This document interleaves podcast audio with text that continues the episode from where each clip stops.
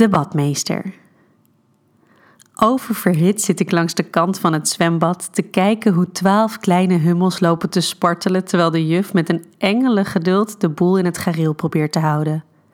Ik voel me een beetje ongemakkelijk daar als enige ouder te zitten, maar het werd me opgedragen de eerste tien minuten bij de les te blijven, aangezien ik zo dom was geweest te vragen hoe het met mijn dochter gaat in de les.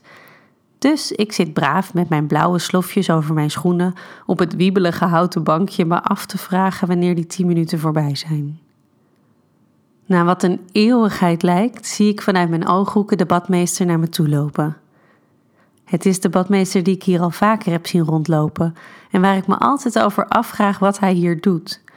Zo'n jonge gast tussen al die toch wat oudere vrouwen, de hele dag met gillende kinderen bezig.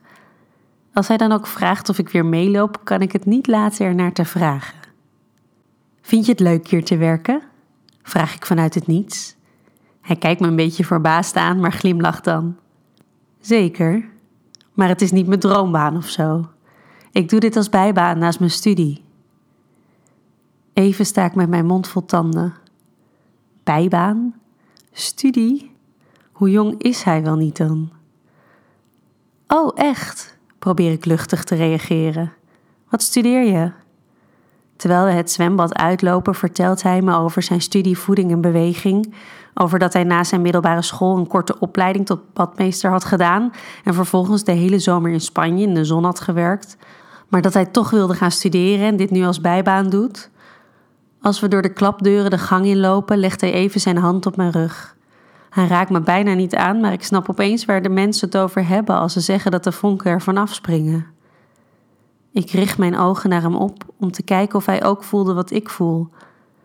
Eerst lijkt het alsof ik me heb ingebeeld, maar net als ik weer weg wil kijken, kijkt hij me aan. Elektrische schokken, vuurwerk, hoogspanning, ik weet niet hoe ik het moet noemen. Maar het is duidelijk dat er op dat moment iets gebeurt tussen hem en mij. Onze ogen lokken en lijken niet meer van elkaar weg te kunnen kijken. Loop je mee? zegt hij opeens met een lage, doordringende stem. De hand op mijn rug blijft waar hij is als hij me de gang door, de hoek om, door een van de vele deuren loost en de deur resoluut achter hem dicht doet.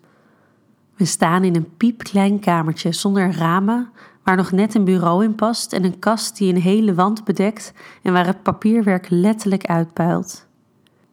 Waar zijn we? Fluister ik. De spanning wordt me bijna te veel. Hij moet een beetje lachen om mijn gefluister, maar wordt dan weer bloedserieus. In de archiefruimte, antwoordt hij terwijl hij een stap dichterbij komt. Natuurlijk, zeg ik licht sarcastisch, me heel erg bewust van het cliché waarin ik terecht ben gekomen. Is dit je go-to plekje? vraag ik, nog enigszins protesterend tegen wat er onvermijdelijk gaat gebeuren. Nee, lacht hij schuldig, overduidelijk verradend dat het antwoord eigenlijk ja is. Zijn hoofd is inmiddels slechts een paar centimeter verwijderd van dat van mij. Met zijn wijsvinger onder mijn kin duwt hij mijn gezicht omhoog. Hoe heet je eigenlijk? mompel ik nog. Jasper, aangenaam. Hi Jasper. Tot het laatste moment kijk ik hem aan tot zijn lippen die van mij raken en mijn ogen automatisch sluiten. Zijn kus is zacht, licht, luchtig. Ik houd mijn ogen dicht lang nadat zijn lippen weer weg zijn, om het gevoel vast te blijven houden. Als ik ze uiteindelijk weer open, is zijn blik heel anders. Net als hij speels en jong. Nu druipt de geilheid van zijn gezicht en staan zijn ogen hongerig. Ik beweeg mijn hoofd naar dat van hem om meer te halen, maar hij trekt zijn hoofd naar achter. Zeker? Hij kijkt me vragend aan. Ja, antwoord ik vol overtuiging. Dat is blijkbaar alles wat hij wilde horen, want als een hongerige leeuw grijpt hij me vast en glijdt zijn tong bij me naar binnen. Ik word zo overvallen dat we een stukje naar achteren strompelen, tot de rand van het bureau in mijn billen prikt. Dan herstel ik en grijp ik hem ook vast, mijn handen glijden onder zijn shirt dat hij al snel uittrekt. Een gladde, geribde borstkas komt tevoorschijn en ik kan er geen genoeg van krijgen er met mijn nagels in te grijpen. Zijn handen weten onder mijn hemdje te komen en hij grijpt gretig naar mijn borsten wanneer hij voelt dat ik geen BH aan heb.